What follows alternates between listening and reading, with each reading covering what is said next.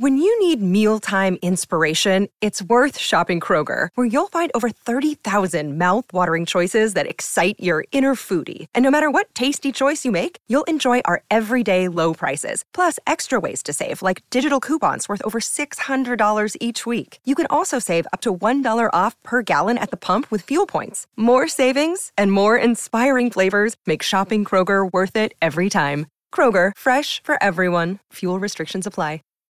At Grand Canyon University, we believe in equal opportunity, and the American dream starts with purpose. Whether your pursuit involves a bachelor's, master's, or doctoral degree, GCU's learning environments are designed for supportive networking and collaboration. With over 330 academic programs, GCU provides a path to help you fulfill your dreams. The pursuit to serve others is yours. Find your purpose at GCU. Private, Christian, affordable. Visit gcu.edu.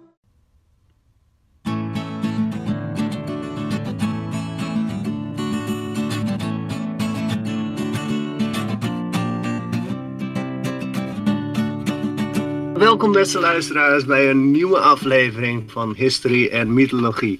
Peter, Ja, we hebben het vaak over dood en verderf en oorlog en ja, ehm, ja. mensen die doodgaan. Peter, hou jij van doodgaan? Eh, nee, nee, het is niet mijn hobby of zo. Nee, nee. Nee, nee, ik ga ook niet van doodgaan. Weet je, ja, dat zit, zit niet eh, in me eigenlijk. En in de meeste mensen ook niet. nee. Ik spreek niet voor iedereen helaas, maar ik hou van leven. Ik ben er nog eh, prima mee eigenlijk. Mhm, mhm. Dus ik dacht, nou, weet je, ik word gek van al dat eh, praten over mensen die doodgaan en afschuwelijk eh, in honderdduizenden tegelijk eh, sterven.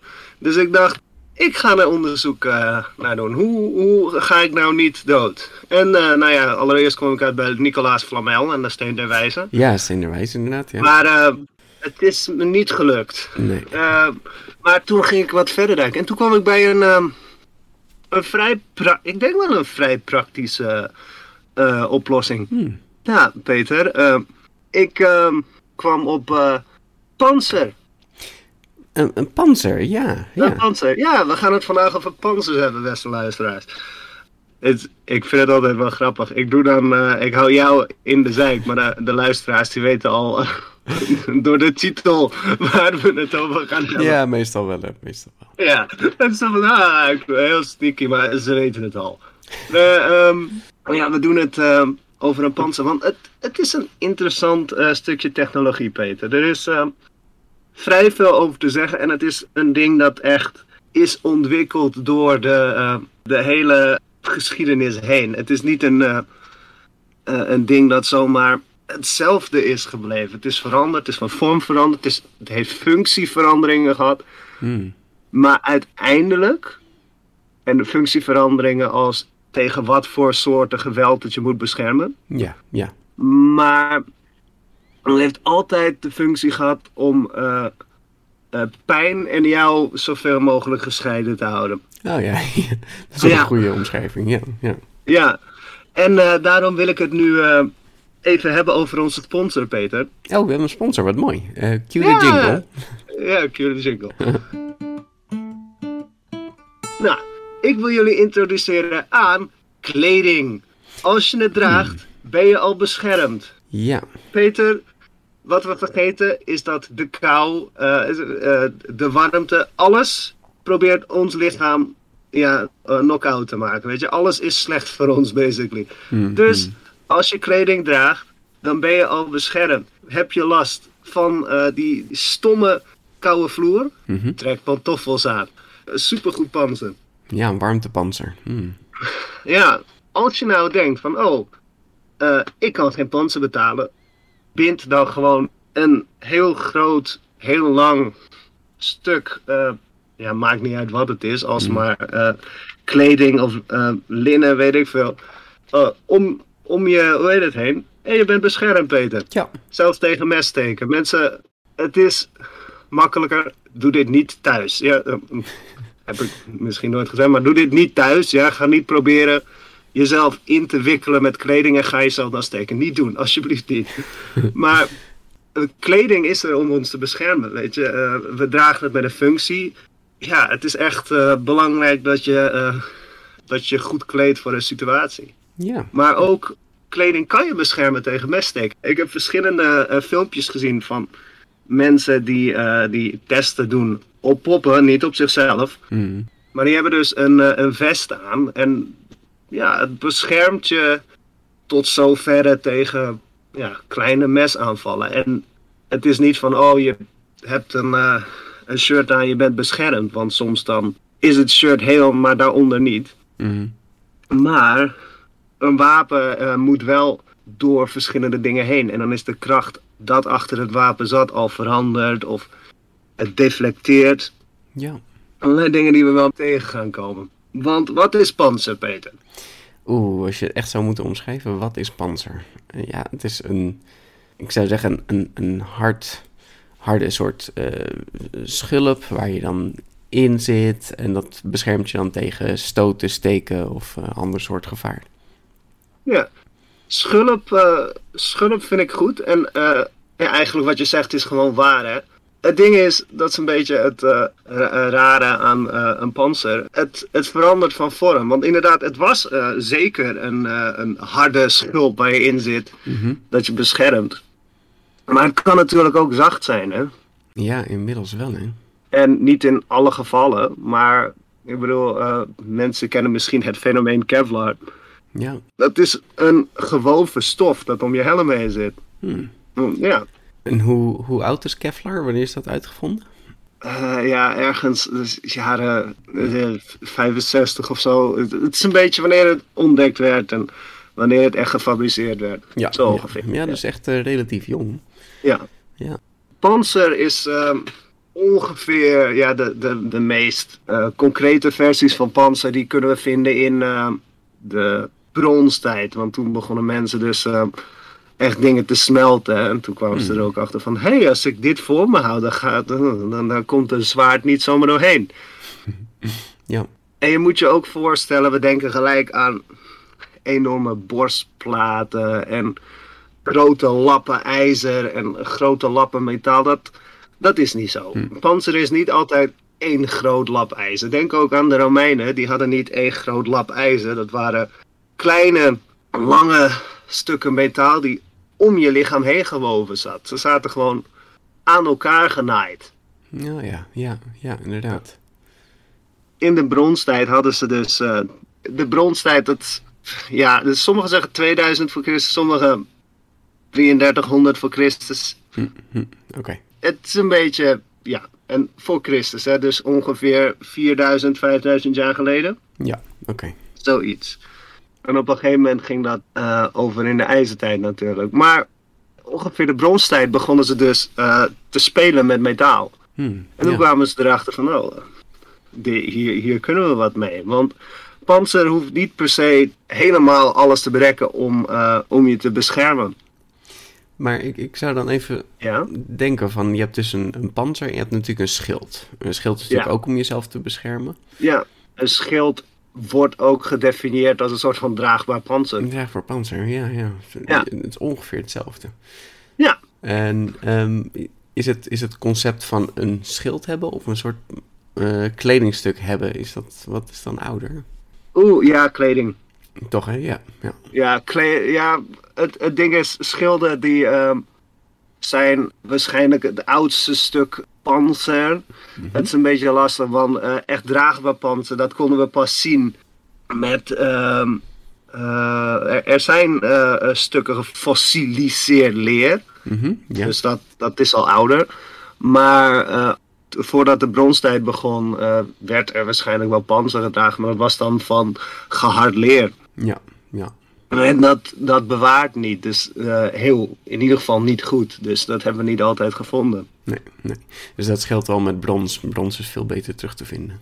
Ja, brons, dat, dat vind je veel beter terug. Weet je, Eh, het oudste draagbare panzer, dat is eh, in Irak. Mhm.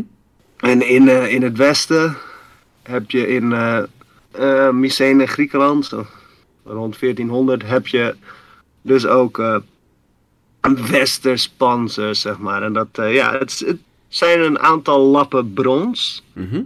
Weet je, en ook de helm eh, is eh, meer bedekt met ijzer dan helemaal van ijzer. Dat is een grappig, eh, grappig plaatje. Zoek maar op. Uh, Myce- of in het Engels, Mycenian Armor. Eigenlijk moet ik ook de luisteraars uh, instrueren. En terwijl je dit luistert, zoek op Mycenian Armor. Heel Ja. leuk als mensen aan het autorijden zijn. Ja, dankjewel. Tijdens de afwas heb je net natte handen. Ja, Ja. ja het is wel mooi. Het, ehm, het, het lijkt natuurlijk een beetje op schubben. Mhm, ja, En op die manier hoef je natuurlijk kleine plaatjes te maken. En die Mhm. plak je allemaal, weef je allemaal aan elkaar. en dan heb je een panzer. Ja. Ja, om, om even, te, even eh, het eh, schild uit te leggen. Schilden, dat, dat zijn eigenlijk een makkelijk concept. Het is een plak hout Mhm. met ehm, een, eh, een riem eraan, of een aantal riemen eraan, of stukken touw, zodat het aan je arm blijft hangen. Op je schouder. Weet je, we denken, we, houden het, we hielden het vast met onze arm. Nee, je tilde het met je schouder, met je schoudergewricht. Je kan niet zo'n plak hout kan je zomaar aan je arm houden, want dingen zijn zwaar, man. Ja, die is zwaarder. Ja, hou maar eens 1 kilo vast, een hele dag lang. Op een gegeven moment ben je er klaar mee. en dan moet je het ook nog balanceren. Ja, Nou ja, en je moet je wel voorstellen, ze droegen het tijdens de mars misschien op hun rug of zo. ja, bijvoorbeeld. Maar ja, Romeinse eh, legers, die, eh, die droegen hem volgens mij gewoon eh, aan, de, aan de arm, aan de schouder. Ja, die hebben zo'n enorme deur, hebben ze. hè? Ja, en het is effectief, want hij draait ook om je heen. Zeg maar, het is niet een... Mensen, het is geen plat stuk hout trouwens. Dat werkt niet als je een panzer hebt. Mhm. Waar catch je op af? Op een, op een hoekje. Dus schilden waren altijd een beetje, hadden ze een beetje een, niet altijd, want dan moet ik even fout zijn gaan, maar Tuurlijk, tuurlijk. eh, de, de effectieve schilden, die zijn een beetje rondig, een beetje een ronding. Want daar ketst een wapen op af. Ja, ja. Maar schilden, die zijn van hout en er zit ook altijd wat op. Het is eh, zeker eh, vroeger, Mhm. ook tijdens de Trojaanse oorlog. Ik heb boeken van Trojaanse oorlog gelezen. Daar hadden ze waarschijnlijk schilden en die waren dan van hout, maar ook van een stukje gespannen leer. Hmm. En het is gehard leer. Weet je. Het, het waren vaak meerdere lagen. En ook, eh, je hebt eh, documentaires met Zulu's en die hebben dan ook schilden met koeienleer. Mhm. Het werkt tot op een zekere hoogte, weet je. Want eh, als de eerste laag wordt doorboord, dan blijft hij in de andere laag steken. Hmm. Was ook niet altijd zo dat een pijl niet door een schild heen kwam. Dan denken we ook altijd van, oh, eh, een schild dat beschermt je tegen alles. Nou, die Nee. dingen zijn breekbaar. Nou, er zit in, in 300 zit wel een hele mooie scène, hè? Dat eh, al die eh, pijlen erin zitten. En dat hij ze zo Mhm. afsnijdt van zijn schild. Ja, ja, precies, dat gebeurt er ook. Mhm. Maar dat ding zit niet in je lichaam. Nee. En dat scheelt een hoop. Maar ik kan me alleen maar voorstellen, de unlucky bastard die dan eh, zo'n pijl door zijn arm heen Ja, krijgt. precies arm, ja, maar aan de andere kant is het ook zo van, ja, weet je, die pijl en het schild. Ja, ja. Ja, even, even een fun fact. Als je ooit wordt doorboord door een pijl, laat de pijl zitten. Eh, ja, hè? Ja. Ja, je kan desnoods een beetje de, ehm, eh, de schacht eraf hakken, maar laat de pijl eh, deskundig verwijderen. Trek hem er niet uit, je beschadigt weefsel, maar ook de druk die de pijl brengt in de wond gaat eruit. Dus dan kan jouw lichaam denken, ik denk, nou, ik ga door pompen met bloed, dus dan bloed je leeg. Hmm. Hmm. Don't try this at home. nee, maar je hebt dus ehm, eigenlijk al vrij vroeg begonnen we met panzer te maken. Want blijkbaar waren we goed in elkaar omleggen. Dus waarom zou je niet proberen dat te voorkomen? Ja. Nou, Peter, wat is, denk jij, een van de meest voorkomende panzersoorten die we hebben? Nou, je wil natuurlijk je, je borst beschermen, hè? Ja. Want als je daar gestoken wordt, daar zitten je longen, daar zit je hart. Voornamelijk je borst is het gevaarlijkst. Ja, Je ziet ook vaak hè, dat het borst tot buik helemaal doorloopt. Ja. Van panzer. ja, hart wordt vaak heel erg beschermd. Want als je daar geraakt wordt, dan is het vrij, vrij game over. Ja, dat gaat vrij snel, ja. Er is ook een reden dat mensen, eh, dat soldaten werd aangeleerd van... Als je een zwaard hebt, steek plat, want dan steek je tussen de ribben door en dan raak je ze hard. En Ah, dat is ja. een goede game over. Tja. Dus ik denk inderdaad eh, dat, dat borstplaat wel echt het allerpopulairst is. Ja, klopt. Maar in welke vorm van panzer denk je dat dat voorkomt? Ja, eh, toch een soort hemd, zou ik zeggen. Het is, eh, Mhm. je hebt eh, shoulder straps. Ik weet niet. je, of, je, of je ook iets op je rug wil hebben eigenlijk. Maar ik zou Mhm. voornamelijk beginnen aan de voorkant. En dan bind je het zo op je rug. Ja, als een soort schort, hè, als een soort hemd. Dat schort, dat vind ik een, Hm? dat vind ik een leuke. Want dat klopt. Je hebt een, een soort panzer en dat zijn allemaal aan elkaar verbonden ringetjes. Oh, En in het Engels is dat heel mooi een chainmail. Maar ik denk dat jij het ook in het Nederlands weet. ja, maliënkolder. Een Maliënkolder. Je, mensen denken dat dat ding middeleeuws is. Maar een Maliënkolder bestaat echt al sinds de tijd van de Romeinen sowieso. Mooi, oké. We denken ook, oh Romeinen, dat is zo'n cool ehm panzer met allemaal enorme eh, metalen strips. Ja, En die zijn aan elkaar. Dat, dat is waar we aan denken bij de Romeinen. ja, ja. Nee, ze droegen vooral Maliënkolders, want die waren makkelijk te produceren. Ah, Ze hadden zeker die panzers waar ik net over sprak, met die enorme eh, lange metalen strips. Maar die waren duur. en ze werden pas eh, ook weer lastig, maar we hebben ze eh, rond eh, het jaar nul hebben we ze pas gevonden, zeg maar. Hmm. Ja, dat is ook zo. Hè? De Romeinse tijd is een vrij lange tijd. En er is natuurlijk best wat veranderd. Eh, het hangt er vanaf hoe je het definieert, maar je kan zo vroeg beginnen als 500 voor Christus tot 1400 na Christus. het, het, het is best lang. We, we zijn er vrij zeker van dat echt Maliënkolders, dat was wel van de Romeinen. Ja. Want je moet je voorstellen, eh, logistiek en ook eh, technologisch was het Romeinse Rijk echt een grootmacht. Je, Militair gezien was het een heel effectief leger. Ook andere ehm, legers uit die tijd waren ook wel ehm, vrij sterk. Ik bedoel, de Parthiërs. Ook een interessant ding, want die hadden ook een schubbenpanzer. hmm, oké. Een lamellen. Lamellen. Want dat waren dus ook schubben op elkaar. En eh, ja, die zaten ook op hun eh, paard en die hadden ook schubbenpanzer. Maar voor de Romeinen was het natuurlijk belangrijk dat ze werden beschermd eh, tegen zwaardsteken, maar vooral ook tegen speren aanvallen. Mhm. Eh, nu is het zo, een uh, Maliënkolder is niet per se goed tegen speeraanvallen. Want een speer die steekt tussen de ringen door en die duwt ze eigenlijk opzij. Of het breekt gewoon een, een verbinding. Maar vooralsnog, een panzer hebben is beter dan niks. Is beter dan niks. Ja, zeker. de eerste klap op. En wat wel grappig is, als je het zo ziet, die Romeinse Maliënkolder. Mhm. Je hebt dan eigenlijk ook een panzer tegen je Maliënkolder. Je hebt natuurlijk een, een hemd eronder. Want Ja, Maliënkolder op je blote huid is vervelend. nee, goed dat je het zegt. Nee, tuurlijk, mensen hadden altijd er wat onderaan.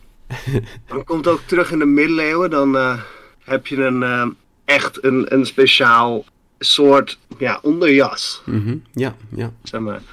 Maar eh, ja, je had dus de Lorica Hamata. En dat, dat was dus eigenlijk gewoon een Maliënkolder. Maar Lorica, dat, eh, dat refereert dus naar het, eh, het panzer. En Hamata, dat is haak, gehaakt. Hmm. Hamus is haak. Dus hamatus is gehaakt. Ja, want de ringetjes die haken natuurlijk in elkaar. Ja, oké. Ja. Ja, goed toch? en dan heb je Lorica Squamata. ja. Dat is een schubbenpanzer. Oké, mooi. mooi. Ja, die had je niet verwacht, hè? Nee. Die was nog eh, uit de Romeinse Republiek. Dus dat was ja, toch wel eh, een tijdje geleden.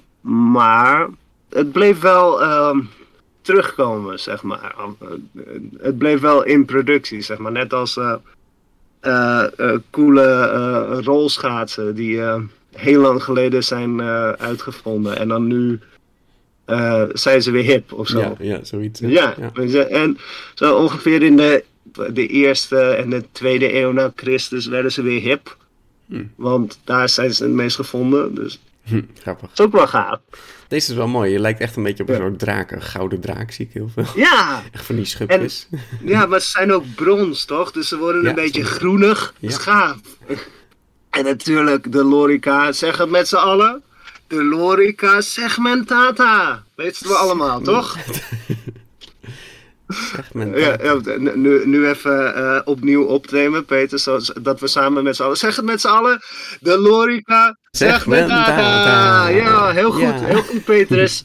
Lorica segmentata. Nou, dat is het bekendste panzer van de Romeinen, zoals ik al zei. Ja. Dat is eh, die, die enorme eh, ijzeren strips. Die bestaat uit segmenten, ja, ja. Ja, segmenten. Ja. ja. Ja, is er, is er nou verschil tussen ook de functionaliteit van deze dingen? Of was het inderdaad meer hoeveel geld je had? Eh, het, het was wat er werd geproduceerd door het leger. Ja, oké. Eh, je ziet dat er in de eerste en de tweede eeuw werd de, de segmentata kwam iets meer naar voren, maar het was toch duur. Hmm. En daarna zie je dat het weer een beetje teruggaat naar de hamata en de squamata. Het Ja, was een beetje net wat ze hadden, zeg maar. Maar het werd wel voor eerst gegeven eh, door, ja, door het Rijk. ja. En dan denk je van, de Romeinen hadden een goed panzer, maar ook de Grieken hadden een interessant panzer. Hmm. Want, eh, ja, daar ben ik een beetje overheen geskipt, maar eh, de Grieken die eh, werkten in iets dat je noemt een, eh, een phalanx. Mhm. En eh, de mensen in die phalanx, de Griekse soldaten, dat waren eh hoplieten. En eh, die, die hadden iets genaamd een linothorax. Linothorax. Het vertaalt een beetje naar het, het dragen van een, een borstplaat gemaakt van linnen. Oh, oké. Ja, is ongeveer. Eh, ook wel eh linnen lichaamspanzer. Hm. Het is een, eh, eh, een, een ding van leer Mhm. en soms van brons, maar echt een kuras. Maar dit was dus meer toch van leer en linnen. Want linnen, dat eh, is toch wel, eh, eh, het beschermt meer dan je denkt. Ja, het is best hard, hè, linnen, ja. Ja. En je ziet soms, dan hebben ze toch weer metalen bronzen schubbetjes langs. De basis is een borstplaat met twee schouderbladen erover. Die haak je aan het borstplaat vast. Mhm. En ja, zo'n zo'n zo'n leuke flapjesrok eronder. Ja, echt altijd zo'n rokje. Ja, een flapjesrok. Ja. Staat best wel cool. Weet je, we kunnen doen alsof we cool zijn met onze broeken tegenwoordig. Maar ik bedoel, waarom zou je geen rok doen in die hitte daar? Ja, inderdaad. Tja. Ja, en het geeft veel bewegingsruimte. Ja, eh, bij de Grieken hing het er vaak wel echt vanaf hoe rijk je was. En Zeker bij de Athenen. Kijk, Spartanen die kregen natuurlijk gewoon van de staat. Want als je in Sparta leefde, dan eh, betekent dat dat je soldaatwaardig was. Want eh, als je niet goed genoeg was, dan eh, was je al dood. Eh, ja, nou, je werd niet weggestuurd. Je werd gewoon als baby van... of, ik weet nog niet of ze achter werden gelaten... of Hmm. ehm, van een rots af werden gegooid. Bronnen verschillen. Nou ja, dat is wat Plutarch zegt over de Spartanen. Maar ja, goed. Sommigen zeggen dat het propaganda is. Ja. Maar ehm, ze hadden ook vaak ehm, eh, scheenbeschermers. Want eh lo en behold, mensen gingen jagen op, eh, eh, op je benen. Want als, je, als een mens niet kan staan, heeft hij een probleem. Ja, en het grappige, in heel veel films zie je juist dat ze van die eh, polsbeschermers, van die polsbanden om hebben. Ja, En dat eh, is eigenlijk niet een ding, hè? ik zie het niet heel vaak, soms wel. Maar meer omdat het cool is. Nee, nee. Want ik bedoel, waarom zou je zo'n ding aan doen als je een schild om de andere arm hebt? Ja, Nee. dan zou je inderdaad alleen je zwaardarm een, een polsbeschermer Ja. hebben. En in sommige gevallen gebeurt dat. Ik heb het ook wel verteld in de Gladiator-aflevering. Dan had zo'n man eh, had dan een schild en de andere arm was echt gewoon één groot stuk Kijk, panzer. Dat werkt, ja. Ja, dat zou op zich werken. Maar eh, ook wat je eerder zou beschermen is het feit dat ze niet bij je kunnen komen omdat je de speer vast hebt. Ja, precies. Ja, maar ook als je zo dichtbij komt, dan is er al een heleboel misgegaan. Weet je, want in echte slagvelden was de speer gewoon. Ik weet het, ik, ik ben een speer fanboy. Maar Mhm. de, de speer was met een reden zo dodelijk. Hij, je kon er verder mee, eh, mee rijken. Het ging door meer eh, dingen heen en het was makkelijker te produceren. Dus je had geen armbeschermer nodig.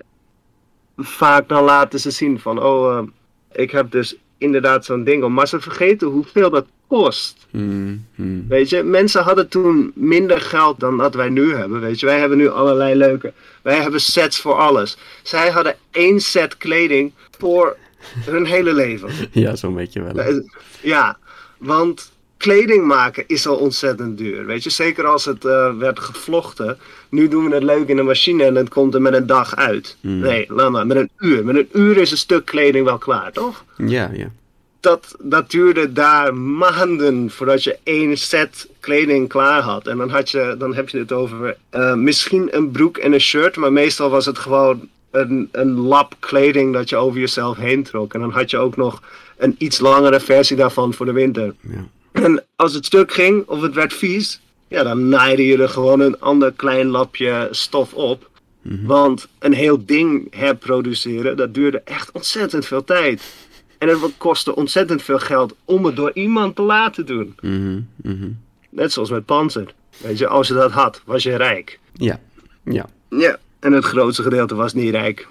Hoe meer je aan zo'n panzer moet toevoegen, hoe duurder het wordt. Ja, ja, het wordt een logistiek probleem op een gegeven moment. Je denkt, oké, ik Ja. heb zoveel soldaten. Nou, dan hebben ze allemaal harnas nodig. Ja. Ja, ga maar maken. En eh, weet je wat ik grappig vind? Weet je wat voor ehm, panzer ehm, er ook niet bestaat, of eigenlijk niet vaak een ding is? Hm, word je... Dus we hebben het al over de, de schenen gehad. Ja, Wat Lager. lijkt- nog lager? Eh, Ja. Voetbeschermers? Ja. Heb je voetbeschermers? Ehm, ja, je hebt schoenen aan.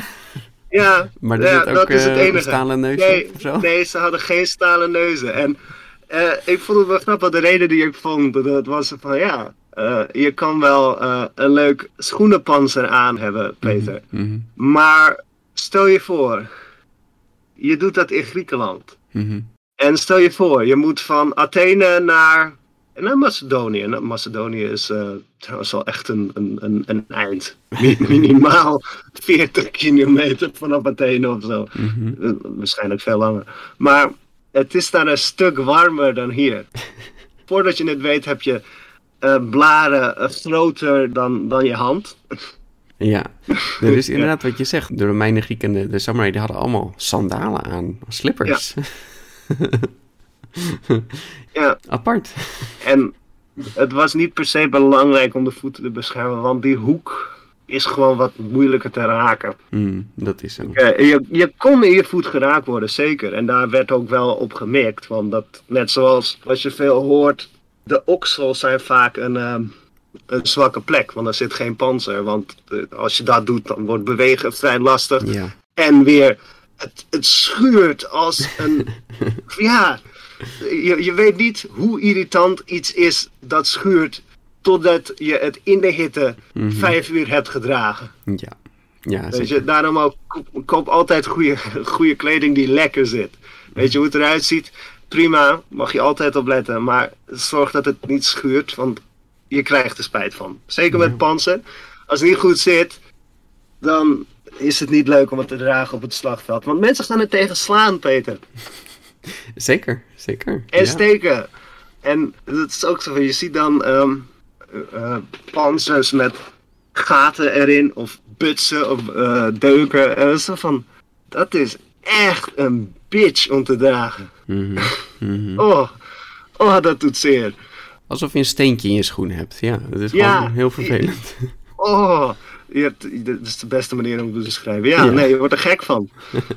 maar goed, eh, de Grieken, de Romeinen hadden allerlei hadden leuke panzers. Maar ook de Chinezen van eh, de 300 voor Christus, die, die hadden eh, coole panzers. En die gingen dus echt voor de belangrijke eh, lichaamsdelen. Mhm, mhm. Want als je te veel eh panzer had, dan werd je martial art eh, werd gehinderd. Dus die, ja, die hadden eh, echt eh, specifieke plekken die ze bedekten. Oké. Dus wel, Ja. er- er wordt wel echt nagedacht over panzer. Hm. Maar ja, wat, wat je wel vaak ziet, wat je echt vaak ziet, een panzer dat eh, wordt in bepaalde mate toegepast. Maar de meeste, bijna elke soldaat door de geschiedenis heen heeft wel een helm op. Ja. Dat is gewoon het, ja, eigenlijk belangrijkste lichaamsdeel. Weet je, want als, eh, als de bovenkamer wordt uitgeschakeld, ja, dan is het vaak game over. En ik zeg vaak, want uh, uh, door mijn research ben ik erachter gekomen dat mensen echt de meest afschuwelijke, gave uh, schedelverwondingen hebben overleefd. Mhm. Ik denk van, in videogames is het altijd game over, toch? Als ik Ja, meek op het hoofd. Mhm. Ja, meestal wel. Maar de mensen die het overleven, die worden beschreven. Dus dan hebben we het over... Ja, ik denk dat ik ehm, twintig gevallen ken waarin het goed ging. ja, als je het hebt over de miljoenen mensen die wel zijn doodgegaan aan een kopverwonding. Ja, dat is niet heel veel. Maar wel cool om te weten dat er mensen zijn die dus eh, geschoten kunnen worden in het hoofd. Ja. A la de, de Unkillable Soldier, we- kennen we die nog? Die eh, Zeker. iets van tientallen wonden aan zijn lichaam, waaronder één in, in het gezicht eh, overleefde. Dus hoe dan? Ja, geluk. Precies die hoek waarin er niet alles wordt beschadigd. Ja. En daarom heb je een helm, want eh, je wilt niet schade aan je hersenen. Dat wil je echt niet. Weet je, ook als je denkt van ik ben kwetsbaar, ja, er is een risico eh, dat ik val, draag een helm op de fiets. Weet je, ik weet dat wij Nederlanders kunnen goed fietsen. is niet per se eh, cool en zo, maar het niet slecht om een helm te dragen. Ja, het is eh, misschien op een bepaalde leeftijd ook. En, eh, Ja, eh, zeker. ik bedoel, het heeft niet altijd met jou te maken. Er zijn ook andere Nee. mensen in het verkeer die fouten kunnen maken.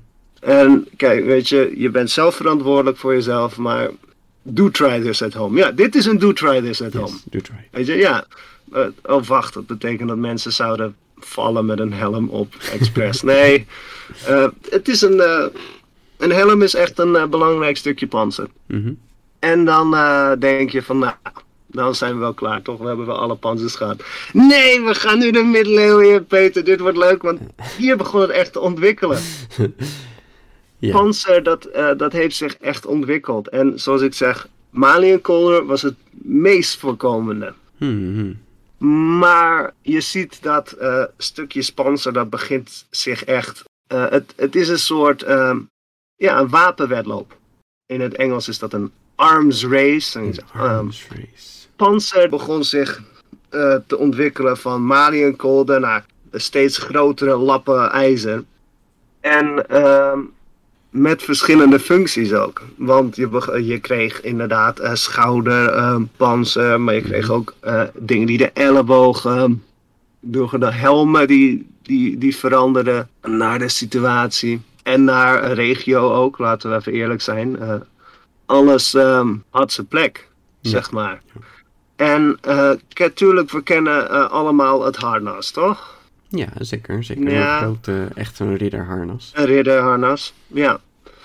Dat, dat heeft echt bestaan, weet je. En het was ook wel veel voorkomend. Tussen haakjes veel voorkomend. Want als je zo'n harnas had, dan was je echt eh, eh, schreeuwend rijk. Mm, ja, kan me En eh, een ridder vaak. Maar het is niet zo dat de, de gewone soldaat geen panzer had. Want zoals ik zei, je hebt eh, verschillende soorten panzers. Dus ook ehm, verschillende ehm, functie. En verschillende ehm, ja, situaties waarin je iets zou dragen. Maar meestal gaat het inderdaad om de, eh, de borstsecties. Maar Mhm. ook andere dingetjes. Ik heb hier eh, een ridderharnas Mhm. met allerlei leuke namen erbij. Die ga ik allemaal opnoemen. en Mooi, dit zijn mooi, de delen van een middeleeuws panzer, zeg maar, van echt een ridderharnas. Ja. En ik heb het over een, eh, een gotisch harnas uit de 15e eeuw. Oké. Ja, dus dit is echt een heel specifiek harnas. Hè? Dat, dat moet ook gezegd worden. Geen harnas is hetzelfde. Nee, Ehm, het is net als... eh, Peter, wat voor een auto heb jij? Ja, inderdaad. Ik heb een eh, Suzuki. Ik heb een eh, Fiesta of een Ford. Twee dingen met dezelfde functies. Andere uitvoering. Ja, ja. Ja, ja, die van mij heeft airco en die van jou? Zo inderdaad eh, in de, in de riddertijd over een harnas. Hé, hey, mijn harnas. eh, ja, mijn harnas heeft een codpiece. oh, ja. Die wordt hier trouwens niet beschreven, maar ik ga zeker zeggen wat dat is. Ik hou jullie nog even in spanning. Is goed, is goed. Nou, Peter, wat, wat denk je, eh, want we gaan van top naar beneden. Wat denk je dat het eerste is? Eh, een mooie pluim op je helm. Ja, oké, dat is hetzelfde zeggen als wat de mijne heeft airco. Ja, shit. Ja, nee, een mooie pluim. Ja, laten we beginnen met een pluim. Die staat niet op het plaatje dat ik heb. Ah, jammer, jammer. Dat is toch echt een, eh, een, ja, gemis, zou ik zeggen. Maar goed, een, een, Ja, een goede ja, helm. nee, een goede helm. Ja, ja. Ik, ik heb wel een ander stukje versiering voor je waar ik het over ga hebben. Maar nice. goed, de helm. Dan komen we bij de B4. Dat is een beetje het, het kinstukje. Oh, Het, eh, de nek, dat beschermt de nek. Dat, Mhm. Want eh, de nek, als je daar geraakt wordt, is het ook vaak game ja, over. dat is niet goed, nee. Want, en je moet ermee ademen. En dan gaat bloed naar je hoofd toe. En als je bovenkamer geen bloed hebt, is het ook game Ook over. lastig, ja. ja. Ja, de B4 dat beschermt. Dus de nek. Dan heb je een schouderplaat. Oh ja, ja. Een, ja. een pauldron in het Engels. Ik kon de Nederlandse versie niet vinden. Hmm, Een schouderplaat en een kuras. kuras. Dat is eh, echt dus de borstplaat, zeg maar. Ja. Dat is het ding dat boven zit en eh, je lichaam beschermt. En het is weer een beetje een, een gebold ijzeren plaat. Want als je hem plat zou laten zijn, dan is het makkelijk om er doorheen te prikken of eh, te- breken, zeg maar. Dan komen de klappen ook harder aan. Ja. Dan, dan is het sneller dat er echt tegen geslagen wordt dan dat de slagen een beetje gebroken worden door de hoek. Je ziet ook hier dat ze echt soms helemaal zo'n punt krijgen, hè? Dat je echt een soort, ja, eh, driehoek op je borst hebt, zeg maar. Mhm. Ja, klopt. En dan heb je nog een deel van, het, van de arm, dat is de redderbrace. Mhm. Eh, dat eh, zit onder je schouderplaat, dat is meer de, de armplaat, zeg maar. En net aan de, aan de bovenarm, zeg maar. Dus net boven de, Ja. boven de elleboog. En dan heb je de couter. Ik weet niet of ik het goed zeg, Peter, maar een kouter. Mhm. Ja, Mm, zoiets. couter, ja. C- C-O-U, ja. Een couter, denk ik. en dan heb je een plakkaat, dat is het buikgedeelte van het borstpanzer, zeg maar. Mhm. De onderarmbeschermer, de vambrace. Ja, fembraces. Vambrace. Dan heb je de rok. Mhm. eh fold, fold, Ja, fold, hè? Ja. fold. Het ondergedeelte. Ja. Eh, ja, de rok, zoiets. Dan komen we bij de bovenbenen. Oké. Daar heb je de cuisses. De quizzes. De cuisses. Dat, dat is zeg maar het bovenbeen beschermen. Oké, oké. Eh, de poleen. Poleen. Poleen. Poleen. P-O-L-E-Y-N. Hoe, schrijf, Oh, hoe zeg je dat? Ja, ja, polijn. Misschien, misschien. Polijn. Ja. En dan natuurlijk de, de greaves, de, Ja, de. En dan komen we nog, en hier, ik had het net erover dat er vaak niet Ja, geen voetbescherming, hè? geen voetbeschermers, maar die hadden ridders dus wel. Want ridders die hadden echt niet de hele tijd hun ridderpanzer aan. Meestal was het zelfs zo dat ridders voor een slag hem aandeden. Mhm. En slagen duren echt niet heel lang. Hè? Nee, oké. Eh, Toen nog niet, in ieder geval. Kijk, je eh, tien uur lang een slag voeren, laat staan eh, echt het, het, het slaggedeelte van de slag en niet de dingen eromheen, Mhm. is al heel lang. En ridders die trokken gewoon voor zo'n slag, trokken ze hun panzer aan, dan moest je even wachten. Maar ze zat op een paard, dus heel veel last had je er niet van. Dus al die problemen die ik heb beschreven, die had je in een ridderharnas ook, Mhm. maar minder. Want je Ja. had hem toch eh, specifiek aan. Terwijl de meeste soldaten hadden gewoon hun bepansering toch wel eh, langere gedeeltes van de dag aan. Maar ik denk dat je inderdaad nu wel voetbescherming nodig hebt, omdat je gewoon Ja, minder want- mobiel bent. En, je zit op een paard. ja. Dus mensen komen bij je voeten. Alles is eh, fair game, zeg maar. Ja. En die dingen, dat vind ik wel cool. Ik, eh, ik wist het niet voordat ik mijn research deed. Maar je hebt een coole eh, metalband die, eh, die zingen over geschiedenis. En vooral militaire geschiedenis. Mhm. Sabaton. Ah, ja, ja. Ja, die, heet, die heette Sabatons. Je, je schoenen heten Sabatons. Oh, dat, oh, dat is een sabaton. Ja, dat is een Sabaton. Ja, cool hè? Ja. Ja, zoek maar op, Sabaton. Het is, een, ja, het is niet echt een schoen, het is een, een, een, een aantal, ja, weer van die eh, la- lange metalen strips. eh, In de vorm van een schoen, dus het is wel een schoen, maar het is een panzerschoen. Een Sabaton. Oké, sabaton. Als- je Sabaton opzoekt, krijg je eerst de band. Ja, Maar als je Sabaton panzer of armor opzoekt, dan krijg je een soort van panzerschoen. En nu, Peter, het allerbelangrijkste deel van het panzer. Een cape, een coole cape. I am so disappointed. Echt, oh, nee, ja, een coole cape is ook leuk. Maar denk je dat dat handig zou zijn Tijdens op het vechten, slagveld, ja. Peter? Iedereen trekt eraan, oké? Nee, een cape is niet handig. No capes. Oké, sorry. Oké, oké. Eh, een kruisbeschermer natuurlijk, ja. Ja, ja, precies. En ze dingen een codpiece. Een quadpiece. Een codpiece, zoek maar op. Codpiece panzer. Je hebt eh, Antonio Navagero en die heeft een, eh, een, eh, een broek met een codpiece. En ja, het, het is basically gewoon een komkommer in je broek stoppen om, om er groter uit te zien, zeg maar. En je had dus ook een panzervorm. Je had letterlijk een panzer met een, een codpiece, een, een enorme metalen penis. Die, die, de, die, hij steekt er ook uit. Het heeft totaal geen functie. Het is gewoon zo van, moet je mij nou Het is een kijken? soort fashion statement, ja. Ja, absoluut. Net zoals die... eh, in films heb je van die Griekse panzers en die hebben dan tepels en eh, Ja. enorme mannelijke borstspieren. ja, ja. Ja, ja, dat was cool. Terwijl, het, het, heeft geen functie beter. Het Hmm. is gewoon daar. Ehm, mensen lopen in films altijd te klagen over ehm, eh, vrouwelijke eh, ridders die dan... eh, de, de borsten worden vaak geaccentueerd in eh, filmpanzers bij vrouwen. Ja, ja. Ja, in de geschiedenis is daar inderdaad niet een, een voorbeeld van. Dat heb ik niet kunnen vinden. Maar het is ook zo, als je een harnas aandoet, dan, dan wordt eigenlijk alles al platgedrukt voordat je je harnas Ja. aandoet. Je hebt Ja, zoveel klopt. kleding onder, dus Mhm. denk maar een soort sport-BH hebben ze natuurlijk aan.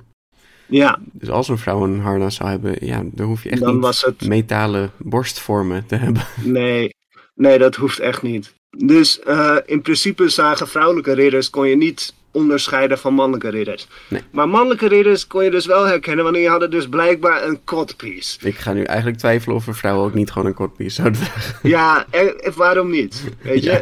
Ja. En dit, dit ding is natuurlijk wel uitzonderlijk. Hè? Dit ding kwam niet heel vaak voor. Nee. Het is niet als een auto met een trekhaak. Het heeft geen functie. Oké, het is gewoon daar om er te zijn. En ik heb helaas niet kunnen vinden eh, in de geschiedenis dat een codpiece werd gebruikt als wapen. Hmm. Ik bedoel, eh, het, het Als je zou nou heel echt een cool soort, zijn. soort speerpuntje opdoet, dat je nog net even iemand zo kan prikken. Maar ja, Maar eh, ja, nee, dat, dat lijkt me echt heel cool, zeg maar. Eh, maar daar, daar heb ik geen voorbeeld van kunnen vinden. Nee. Dat heb ik niet kunnen vinden. Helaas, maar misschien ook maar beter. Maar ja, je hebt dus een codpiece. Wie kwam daarachter? Of Wie, wie heeft het ooit bedacht? Ik weet het niet. Maar dat, dat zijn dus een beetje de, eh, de belangrijkste delen van een ridderpanzer. ja. En eh, even trouwens iets wat ik moet debunken, maar ik denk dat de meeste mensen het nu al weten. Eh vikinghelm. Hmm, met horentjes, ja. Ja. Eh, ik denk dat de meeste mensen, want dat is het eerste wat wordt gezegd. als je over panzers leest. Ja, vikinghelmen hadden geen horens. Nee. Keltenhelmen wel. Oké, Zoek maar op Celtic helmets horens. ja, oké. Ja, en dit ding was geen. Ja, misschien was het voor krijgers, maar het was meer ceremoniële. Hmm. Ik, het, was ook gewoon voor hun eh, ceremonies, hun godsuitingen. En om er cool uit te zien, ik bedoel, ja, Ja, het is wel imponerend, ja. ja. ja het ziet eruit als een, eh, een Pikachu.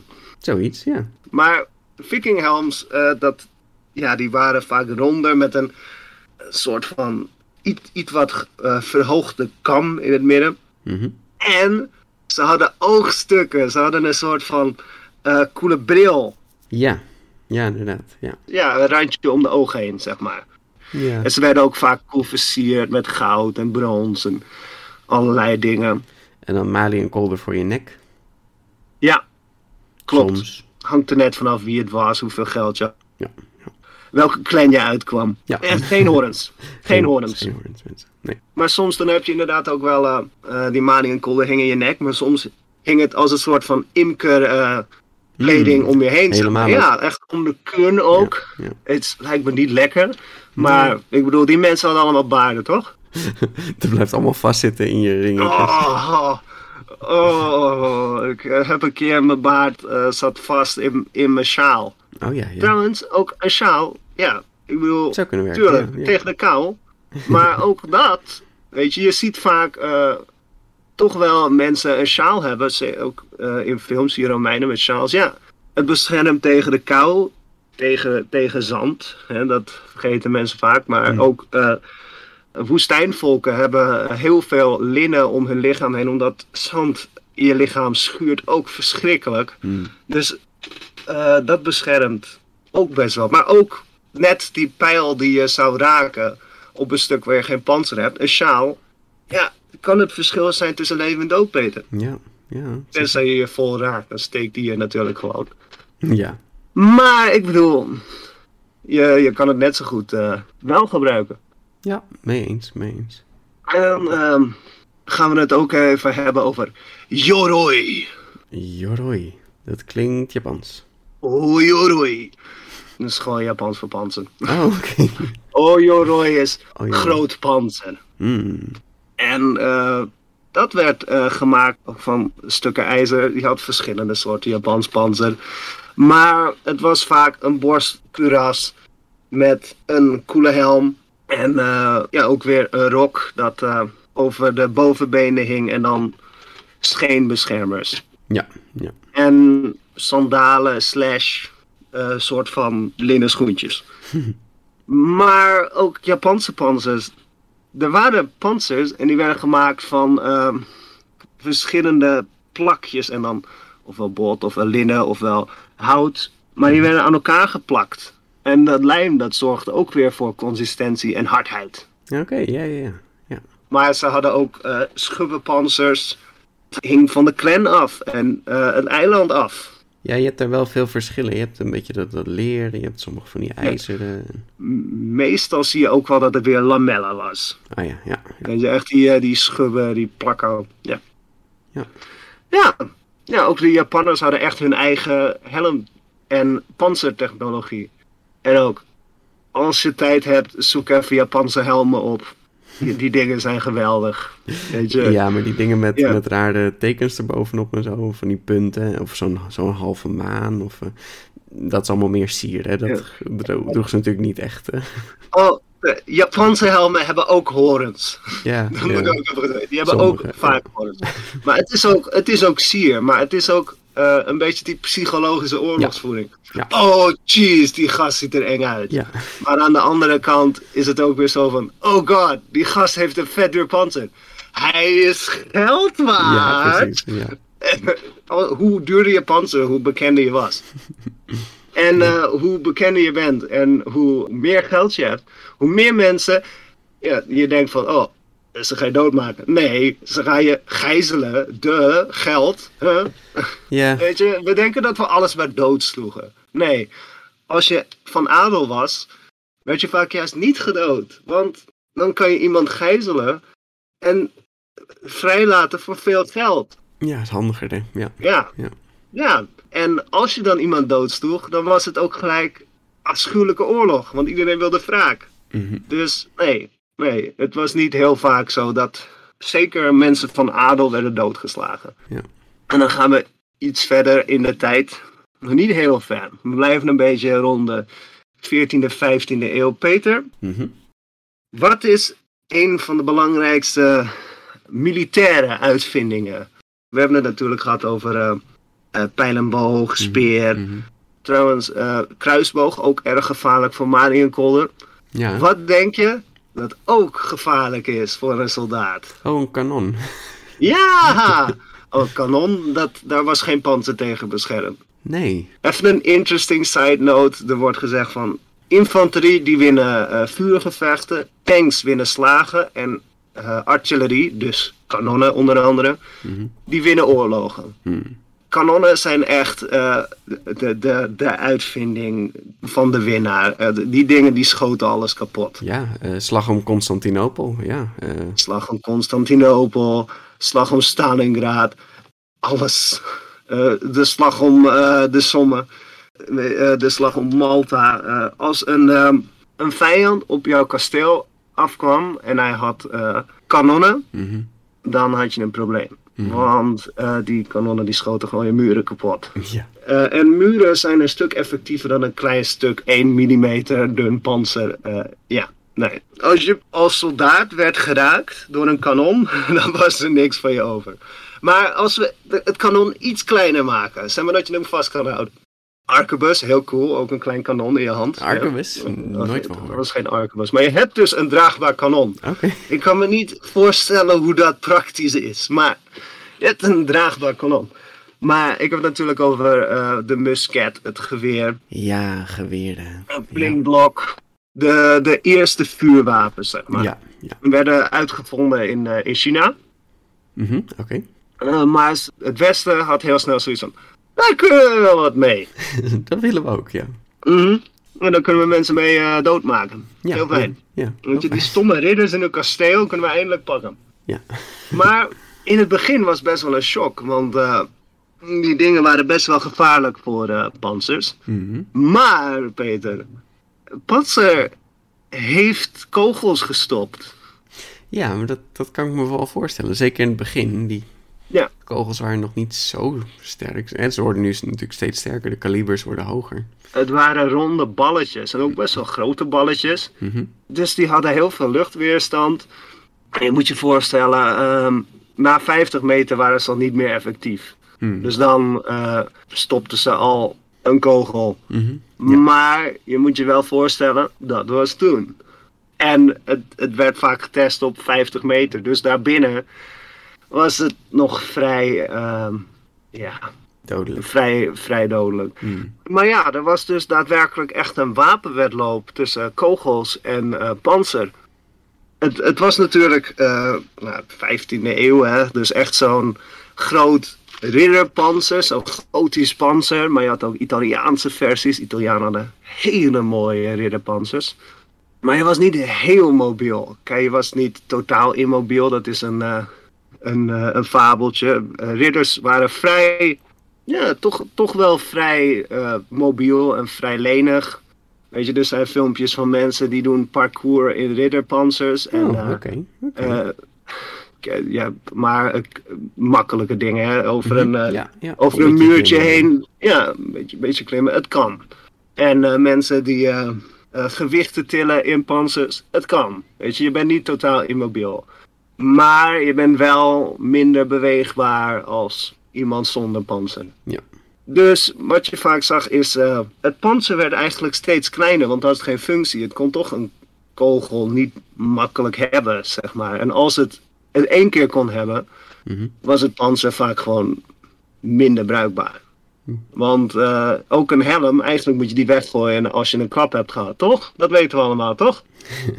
Nee? Eh, nee. Just be? Oké, ja, nee. Eigenlijk moet je een helm, als je echt goed bent gevallen, moet je je helm vervangen. Hmm. Want het eh schokwerend materiaal is aangetast. Hmm. Het is allemaal in elkaar gedrukt. En ook een panzer, ja, er zit een gat in. Of, oh, er zit een deuk in. Ja, de, de rest, dat heeft gewoon minder energiepakkend functie. Ja, oké. Maar ja, er was dus echt een, een wapenwedloop. En je zag steeds dat het panzer kleiner werd. En het werd echt een kuras dat eh, eigenlijk alleen maar de belangrijkste dingen van je torso bedekte. Hm, Dus dat is het belangrijkste. Zoals je al zei, Ja, een torso is het belangrijkste. Dus je hart en je, ja, je longen, die werden beschermd. Ja. En er zat ook in het midden zat er leuk zo'n eh, een, een soort van piramide. Die stond een beetje omhoog. Nou, niet een piramide, maar meer een eh, een puntje. Ja, voorkant van een schip. eh, een boeg. Een... een boeg, ja, een boegje. Want die, die, een kogel, ja, die gaat dwars door metaal heen. Maar hij kan wel afketsen. Ja, ja. Net zoals de eerste keer dat ik de term afketsen leerde, dat was omdat kuifje werd ges- eh, beschoten door een kogel, maar de, de rib had de kogel afgeketst. Dan was het Oh, van, oh, hoe doet hij dat? Ja, ja, dat is dus echt een stampschot. En eh, in plaats van dat hij in zijn longen werd geraakt, eh, overleefde kuifje. Waarom hebben we dan niet gewoon meer ribben? Waarom hebben wij niet zelf? hè, er zijn natuurlijk dieren met panzer. We zijn nog niet berekend op het feit dat we een kogelschot moeten overleven, Peter. Nee, dat zal even duren. Kijk, als de mensen tegenwoordig een kogel overleven, dan moeten die juist gaan voortplanten, want dan kunnen we later gewoon allemaal Ja. kogelschoten overleven. precies, precies. Ja, dat is het. Ja, dus je draagt gewoon een panzer. Ja. Is makkelijker. Ja, is makkelijker. Maar je ziet dus wel dat panzer eigenlijk een tijdje gewoon zijn functie verliest. En dus ook eh, ja, niet meer wordt gebruikt. Helmen wel. Helmen hebben ook andere functie, valfunctie, maar ook eh, fragmentatie. Dat zijn geen kogels, maar dat is ehm, eigenlijk de munitie van een explosief. Mm, ja. En je denkt van, oh, we gaan dood door... eh, je hebt drukgranaten, dan ga je eh, dood door de schokgolf, dat kan. Mhm. Maar je gaat niet dood door het vuur, Peter. Nee, er, er vliegen allemaal stukjes metaal rond. Ja, dat is fragmentatie, die kleine stukjes metaal. Als jij een, eh, een spijker in je, in je arm drukt, ja, dan gaat hij er doorheen. Mhm. Eh, dat zijn eigenlijk allemaal hele kleine mini-spijkertjes. Of eigenlijk gewoon, als er glas valt, Ja, zoiets, hè? dan spat dat helemaal uit elkaar. Dat is fragmentatie, maar dan tienmaal dodelijker. Ja. Want dit zijn, dit zijn geen stukjes glas die vervelend zijn als je erop stapt en van die kleine vervelende bloedende wondjes veroorzaken.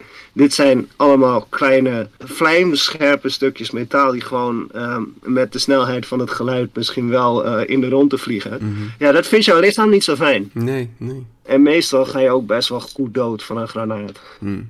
nou ja, goed wel is iets anders, want eh, je, je bloedt vaak gewoon snel dood. Eh, ja, nee, niet, na, na, de, na de nice way to go. Ja, ja.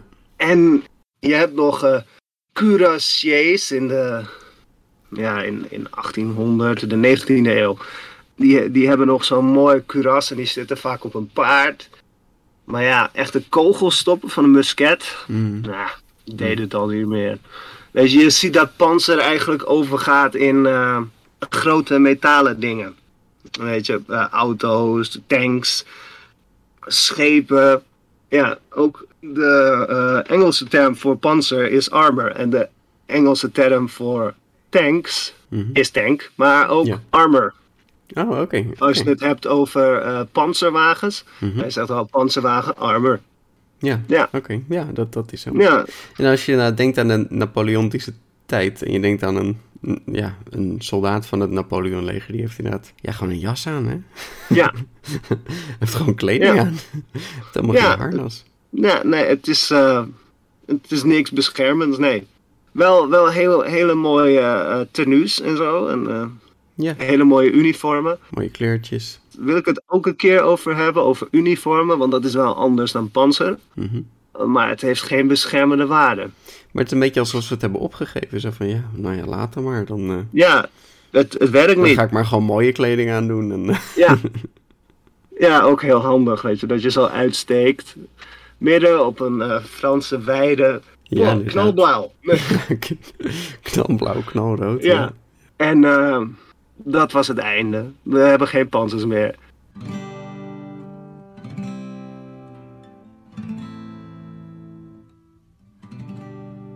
Psych, nee, tuurlijk hebben we nog wel panzer. In de Eerste Wereldoorlog gaan we de moderne oorlogsvoering eh, in. Machinegeweren, eh, eh, moderne kanonnen, tanks en paardencavalerie. En dus ook mensen op, op paarden met kurassen Mhm. en Napoleontische stijl helmen. Het is echt dom. Ja. En dan waren ze wel zo van, ja, we gaan eh, glimmend panzer, gaan we wel met donkere verf gaan we het inverven. Ja, super cool, al die zwarte panzers. Je bent nog steeds zichtbaar. ja. en schietbaar. Maar er- zijn wel, ehm, ja, er- zijn dus gewoon voorbeelden van mensen uit de Eerste Wereldoorlog. Er er is geprobeerd door Fransen om schilden te dragen. En ze liepen met schilden liepen ze op een Duitse, op een Duitse linie af, Peter. Mm. En die schilden die konden een kogel hebben. Ja, nou ja, ja. Als je dik genoeg schild hebt, moet het lukken. En toen kwamen ze bij de, dichter bij de linie. Dus konden de Duitsers van de zijkant schieten. Oh, ja. Ja, toen werkte het. En toen kwamen ze erachter, ja, het, wer het schild werkt niet als je van de zijkant wordt beschoten. Ja, de- niet. Wat wel zo is, in tegenstelling tot de Napoleontische, is, is dat ze wel allemaal metalen helmen hebben. ja, Dat, Ja, dat- klopt. Of nee, de meeste zie je wel inderdaad dat ze gewoon een Ja. goede helm op hebben. Ja. En die helmen die hebben een functie, hè. Want eh, een helm, dat werd ook gezegd van, ja, een helm zal geen kogel stoppen. Maar zoals we zeiden, fragmentatie was in de Eerste Wereldoorlog uh, was een heel groot probleem. Want zoals ik al zei, uh, artillery, dat wint oorlogen. Kanonnen zijn echt verschrikkelijke wapens en die vagen echt mensen van de aardbodem weg. Weet je, dat is geen grapje, er is niks van je over. Ja. Er is echt niks van een, een plasje bloed. Hier en daar een, nee, nee, een, een kanon dat uh, rijdt je af flarden. Echt zonder grappen. Ja. Uh, don't try this at home. Geen kanon op iemand schieten, alsjeblieft. Dat is echt niet grappig. Zo'n kanon, als het een directe hit was, ja, als, als het je raakte direct, niks dat je daar tegen kan doen. Mhm. Maar als het in de buurt uh, raakt, dan was het ook al vervelend vanwege dus die fragmentatie. En daar zorgt een helm heel goed voor. Dat niet zo'n klein stukje metaal in je hoofd vliegt en je daar dood van gaat. Ja. Ja. Dus helms hebben echt een functie. Ja. Maar er waren dus ook mensen en die hadden dus panzer aan. Maar dus vooral ook tegen de fragmentatie. Mhm. Maar ja, er zijn dus mensen die hebben wel uh, panzer aangehad tijdens de Eerste Wereldoorlog, ja. Ja. Je had ook 400.000 sappenpanzer. Ja, zo'n hele dikke borstplaat was dat. En uh, ja, de infanterie die, die kon dat niet dragen. Daar was het te zwaar voor. Uh, maar voor mensen die uh, op moesten letten of artillerie moesten spotten, weet je. Machinegeweerschutters. Ja, mensen die op één plek bleven, die droegen wel eens panzer, zeg maar. Hm. En dat was dan vaak dikker panzer, dus dan had het iets meer een kans om een kogel te stoppen. Maar nee, nee, het gaat niet werken, want het is gauw veel te zwaar. Mm -hmm. Mm -hmm. En het stopt vaak een kogel ook niet, want een kogel is niet een universeel ding. Net zoals een zwaard. Je hebt een lang zwaard, je hebt een kort zwaard, je hebt een krom zwaard, je hebt een, een gekarteld zwaard. Nou, nog veel meer. Mm -hmm. Maar je hebt een pistoolkogel, een uh, geweerkogel. En dat gaat in millimeters. En die millimeters worden steeds groter en groter en groter en groter. De kruidlading wordt groter en groter en groter en groter en groter. Mhm. De kogels worden dodelijker en dodelijker en dodelijker.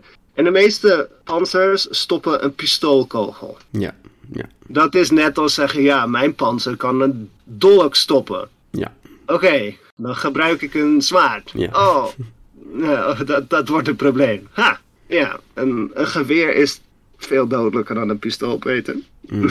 ja, dat werd ook gezegd van dit panzer kan een pistoolkogel stoppen. Um, geen geweer. Mhm. Weet je, we gaan ook uh, een beetje door, want uh, we komen bij uh, kogelwerende vesten. Het was eigenlijk al een ding. Er waren panzers die, die werden getest.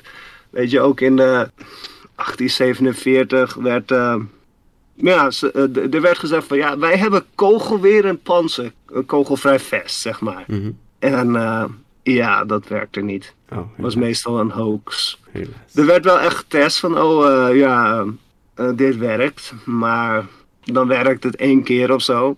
Mm -hmm. Sommige mensen die gingen de test door het panzer te dragen en dan lieten ze een vriend erop schieten. Wat een slecht plan. Uh, ja, best wel een slecht plan. Maar er zijn ook uh, dingen goed gegaan. Weet je, er, er was een uh, vest gemaakt door uh, een Pool en die heet Jan de Paniek. Mm -hmm. S-Z-C-Z-E-P-A-N-I-K. Je zegt Jan Stepanik. Oké, okay, en dat panzer heeft hij dus gemaakt en dat is gemaakt in 1901, maar dat heeft dus het leven gered van Alfonso XII van uh, Spanje. Oké. Okay. Want die werd aangevallen uh, en beschoten door een aanvaller. En gangsters die gingen zijden vesten dragen. Ja, ja. Ja, want het, het helpt. zijde, ze dachten dat dat altijd de kogel kon stoppen. Toen waren ze nog niet zo ver als nu. Maar zijde, dat is natuurlijk vrij taai stofje. Dat mm. trek je niet zomaar uit elkaar. Mm. Uh, er was ook een incident en daarin had iemand uh, die werd beschoten en die uh, overleefde dus omdat hij een zijden zakdoekje had.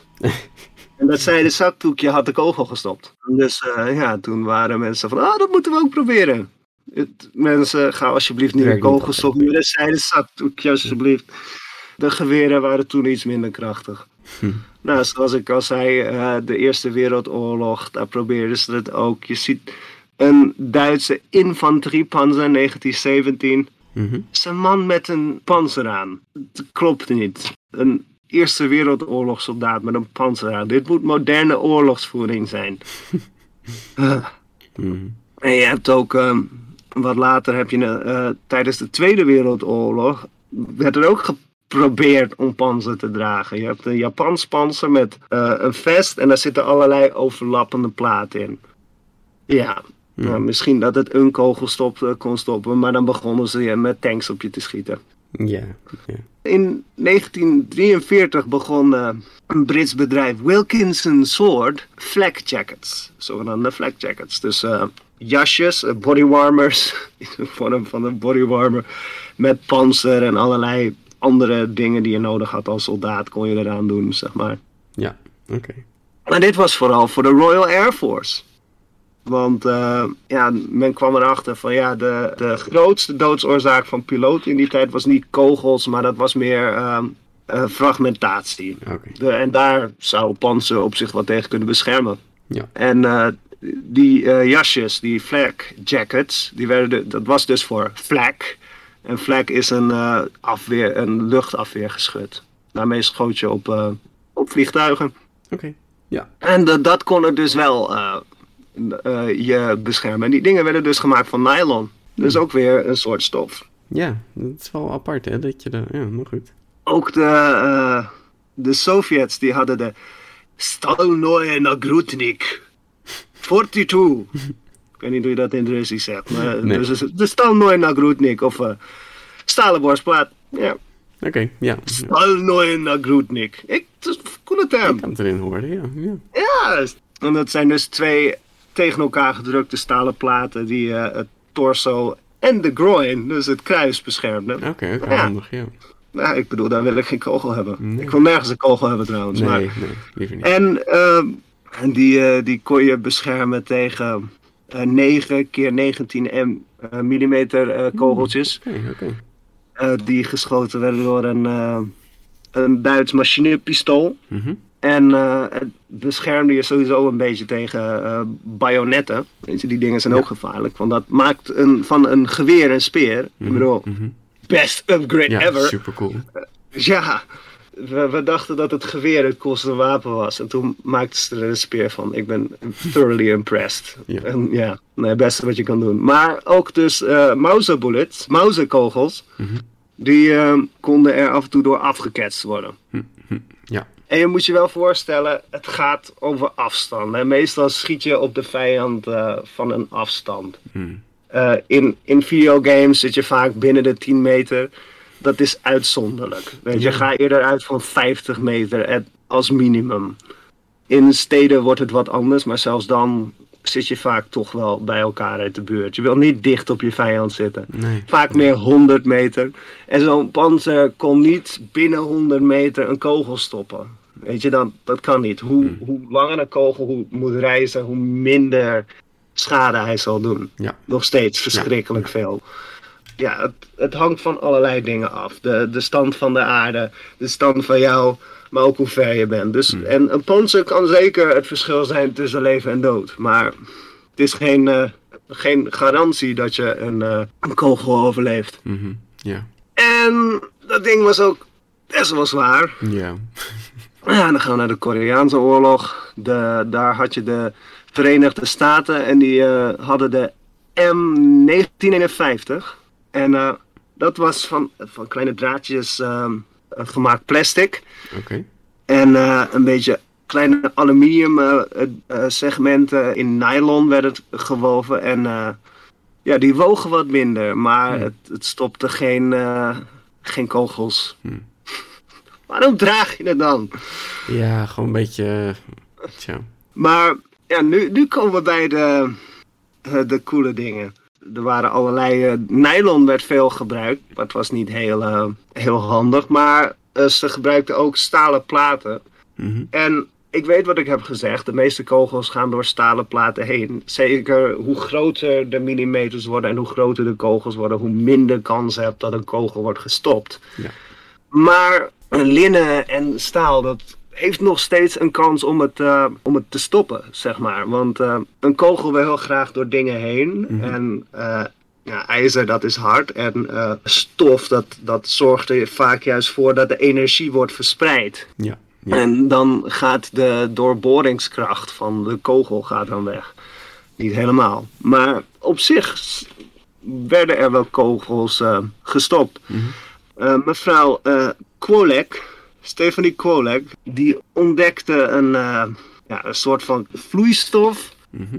kristalachtige eh, polymeer eh, eenheid, zeg maar, een polymeersubstantie. Mhm. Ja, ik ben geen scheikundige. Zij wel, zij heeft het ontdekt. En de uitzonderlijke kracht en stijfheid daar, daarvan heeft geleid tot, Peter, Oh, is dat Kevlar? Kevlar! Ah, Ja, Kevlar. Het is natuurlijk een, eh, een soort fiber, een, een draadje. ja. En als je dat tot een, eh, een kledingstuk maakt of een, eh, een lap Mhm. eh, weeft, zeg maar, eh, dan per gewicht heeft het vijf keer zoveel kracht als staal. Oké. Ja, en dit is in 1971. Kevlar werd gelijk eh, gebruikt door, ja, door de Amerikaanse overheid om betere en lichtgewicht panzers te maken. Ja, dat is het vooral. hè. En eerst werd het gebruikt voor, ehm, voor politie en eh, politieofficieren. Want je moest wel kijken of het ehm, te dragen was, zeg maar.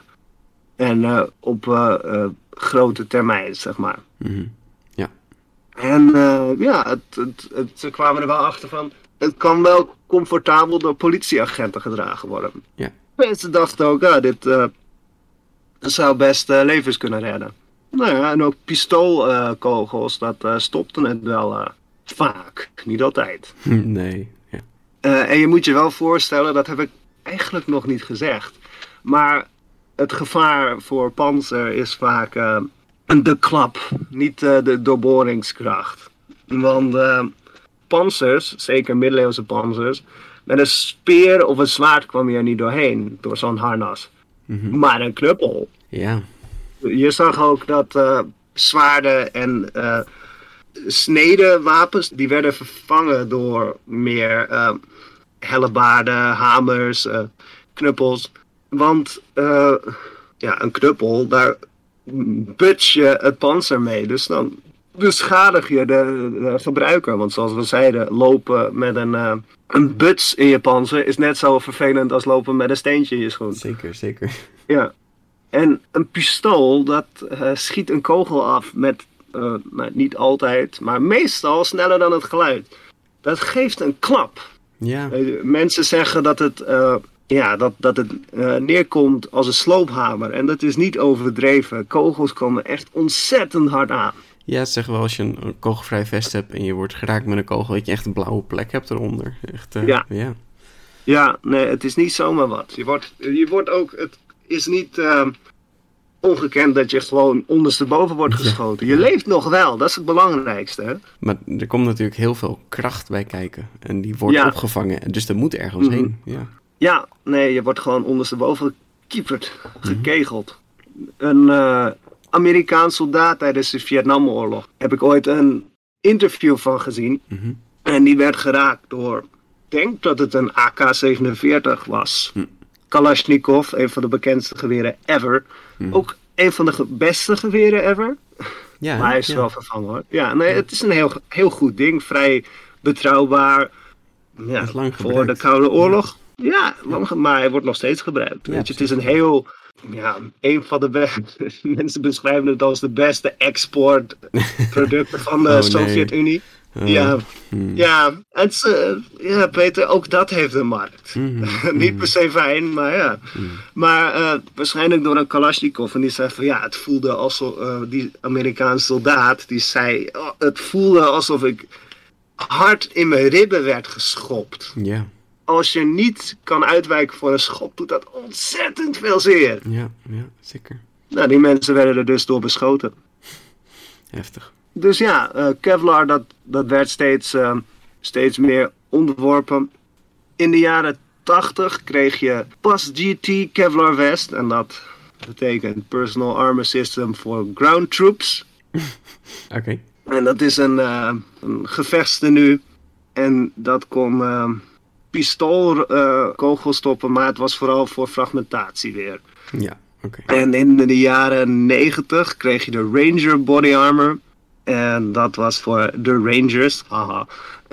Van uh, het Amerikaanse leger. En dit was uh, antifragmentatie. Maar er werd gezegd dat het uh, geweerkogels kon stoppen. Mhm. maar het was minder betrouwbaar rond de schouders. Oh. Wat ik snap. Want je, als je het helemaal eh panzer maakt, dan wordt het alleen maar zwaarder. En dat is ook niet handig, want eh, soldaten hebben meer te dragen. Op zich was het een vrij betrouwbaar panzer. Maar ja, dan worden de kogels groter en krachtiger en dan is het eigenlijk al niks meer. Nee, nee, nee. Nee, eh, maar je hebt dus ook je hebt een, foto's van honden met panzer op. En dat is natuurlijk tegen... Die, die, die eh, honden moeten af en toe bommen zoeken. En ja, dan is het handig als ze ook een eh, panzer hebben. Mhm. Dus eh, ja, ook honden kregen panzers. En je hebt natuurlijk een... eh, je hebt een film waar ik de naam even niet van weet. En dan heb je zo'n man in een, in een bomsuit. Ja, de Hurt Locker. Ja, de Hurt, de Hurt Locker, dankjewel Peter. De Explosive Ordnance Disposal Suit. EOD. Ja, dan ben je echt een soort, soort astronaut. Ja, Enorm pak. Ja dat wordt eh, niet gebruikt Oh. in gevechtssituaties. Nee. Want en je bent niet mobiel. En... eh, En het helpt ook weer niet het- echt. het- Als je dicht bij de bom staat, dan... eh, Het beschermt, het beschermt je meer dan wanneer je het niet zou doen. precies, maar ja. nee. Ja, het, het, het zijn verschillende lappen Kevlar en af en toe staal. Maar ja, de, de, de, de schokgolf, daar word je eigenlijk niet tegen beschermd. Want dat gaat natuurlijk gewoon door panzer heen. Mhm. En eh, ja, dat vind ik helemaal niet leuk. Nee. Nee. Daarom eh, oh, even een stom feitje tussendoor. Als er een handgranaat op je wordt afgegooid, Peter. Mhm. Je staat naast een eh, zwembad. Mhm. Spring niet, in het zwembad nee. Ja. ja, duik op de grond. Dan springt de fragmentatie misschien over je heen. Oké, en ik vertel dit, ik ga dit niet goed vertellen, want ik ben geen scheikundige. Nee. Maar in lucht zit meer ruimte dat op elkaar gedrukt kan worden dan in water. Mm. En jouw longen, die worden dus gewoon door de klap worden ze tegen elkaar gedrukt. Mhm. En dan, ja, dan klapt je long, een klaplong. Mhm. Niet, niet fijn. Nee. Zo is het toch best wel lastig om jezelf te beschermen hè, voor Ja, van alles. Ja, best wel. En eh, er, er, er wordt natuurlijk naar zo'n ding gekeken. En er wordt echt gekeken naar hoe het een eh, schokgolf zou kunnen stoppen. Maar daar is zoveel dingen voor nodig. En foam en allerlei andere dingen. Mm. Je kan er sowieso slechter door bewegen. Maar je zou ook dood kunnen gaan door overhitting. Oh ja. Ja, het is niet het meest ergonomische ding dat er bestaat. Nee. Nee. Dus dat is ook een ding. Mm. Lastig. Eh, ja, best wel.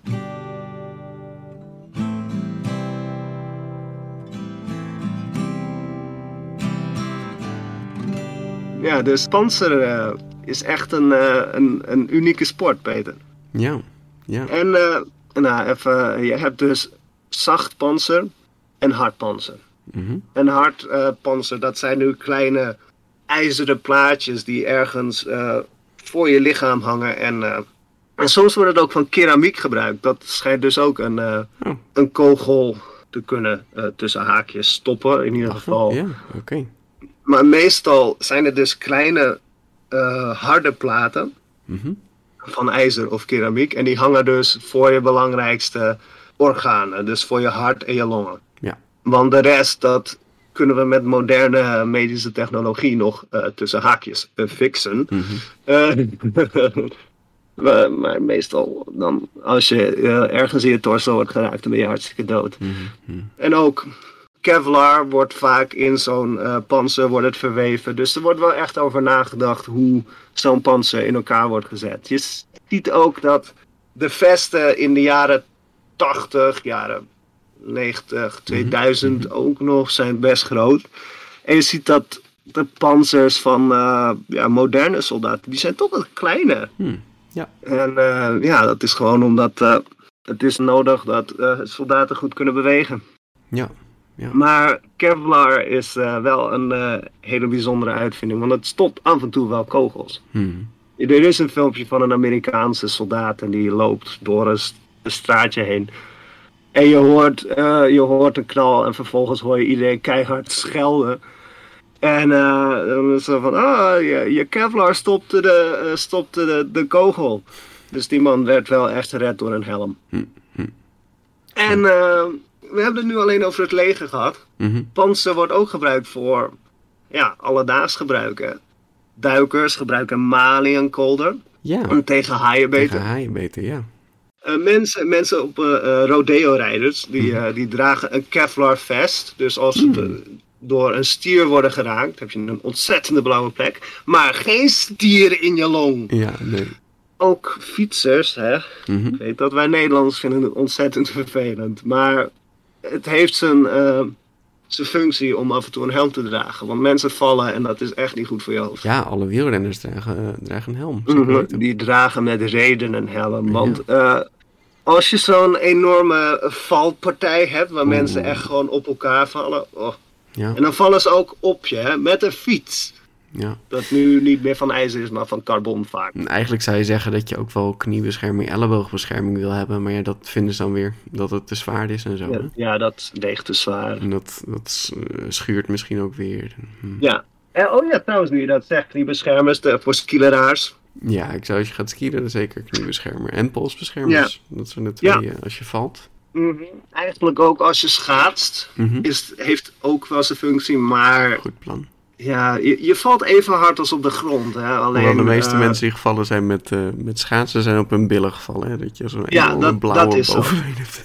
Ja, nee, je hoeft geen, eh geen kontbescherming. Dat hebben we niet nodig. Daar hadden mijn grootouders ook wel een optie voor. Een, een kussentje op je bips binden.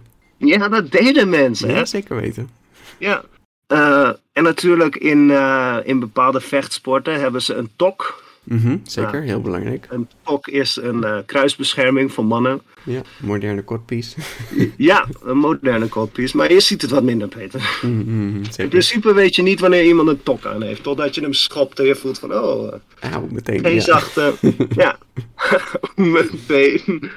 Eh, motorrijders hebben natuurlijk echt beschermende pakken aan. Ja, zeker. Formule 1 coureurs hebben echt Oh, zo'n motorhelm op. En die zitten ook echt in een panzer vast. Hè? Die zitten echt in een tuigje vast, zodat ze niet ergens heen kunnen gaan. Ja. Dat moet ook, want wat, een, wat gevaarlijk is voor de hersenen, natuurlijk ook klappen, maar vooral de beweging. Hmm. Als jouw hersenen in één keer snel bewegen, dat zorgt voor een hersenschudding. Ja, nee, inderdaad. Ja. Oh, en natuurlijk eh, vingerdopjes. Kennen we die nog? Heel oud. Als mensen gingen breien of eh, gingen naaien, dan hadden ze Ja, om een hun vingerhoedje is wel, wijsvinger, handig. Vingerhoedje, ja, plop. En dan ja, had je geen, geen naald in je vinger. Ja, Ja, een naald doorduwen kan soms lastig zijn, dus dat, dat, het helpt wel echt. ja, zeker. Dat is heel oud, Peter. Nee. Nou, dus eh, Panzer heeft wel echt, eh, echt zijn functie en echt zijn evolutie gehad. Ja, ja. En ik vond het heel leuk om over te lezen, want je hebt dus hele verschillende soorten panzers met hele verschillende soorten functies. Door verschillende tijden, verschillende landen. Nou, maar dit was een beetje eh, in een, eh, eh, een notendopje, Ja, of ook wel een, een vingerhoedje.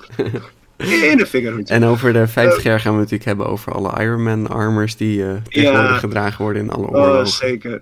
Ja, sorry. Ik durfde het niet over exoskeletten te hebben. Zo, daar heb ik gewoon geen verstand van. En het is nog niet heel erg ontdekt. Nee. Nee, en het is nog iets te modern. Ja. Kijk, ik had het over tanks kunnen, de- eh, kunnen hebben, maar dat is echt een, onderwerp voor een, eh, voor een andere keer. ook schilden en helmen zijn eigenlijk, het zijn panzers, maar Mhm. ook die zijn gewoon op zichzelf gewoon zo interessant. Ja, ja, En zelfs alle dingen die ik heb verteld, daar zou ik echt op kunnen inzoomen en een aflevering langer maken dan deze. dus er is gewoon heel veel te vertellen over panzers. ja. Dus eh, beste luisteraars, laat me, laat me weten of jullie een manier hebben om een panzer te dragen waar ik nog even niet aan heb gedacht. Eh, vertel, vertel ons wat jullie favoriete panzer is. Ja, ja, zeker. Ik ben benieuwd. Dus eh, ja, weet je, ehm het Ja. veel te vertellen over panzers. Ja. En eh, Peter, eh, dankjewel voor uh, de reis door, uh, door alle panzers heen. En, uh... Ja, super. Ja, wel grappig. De, een beetje de opkomst van de panzer. Dan weer een beetje de, de afzwakking. Hè, de, de, en dan toch weer een beetje de, de heropleving van het panzer. Ja, heel leuk hoe dat zo gegaan is. Het was een interessante reis. Zeker, zeker. Dus ja, hey, beste luisteraars, tot de volgende keer. Tot de volgende keer. Doei. Hoi.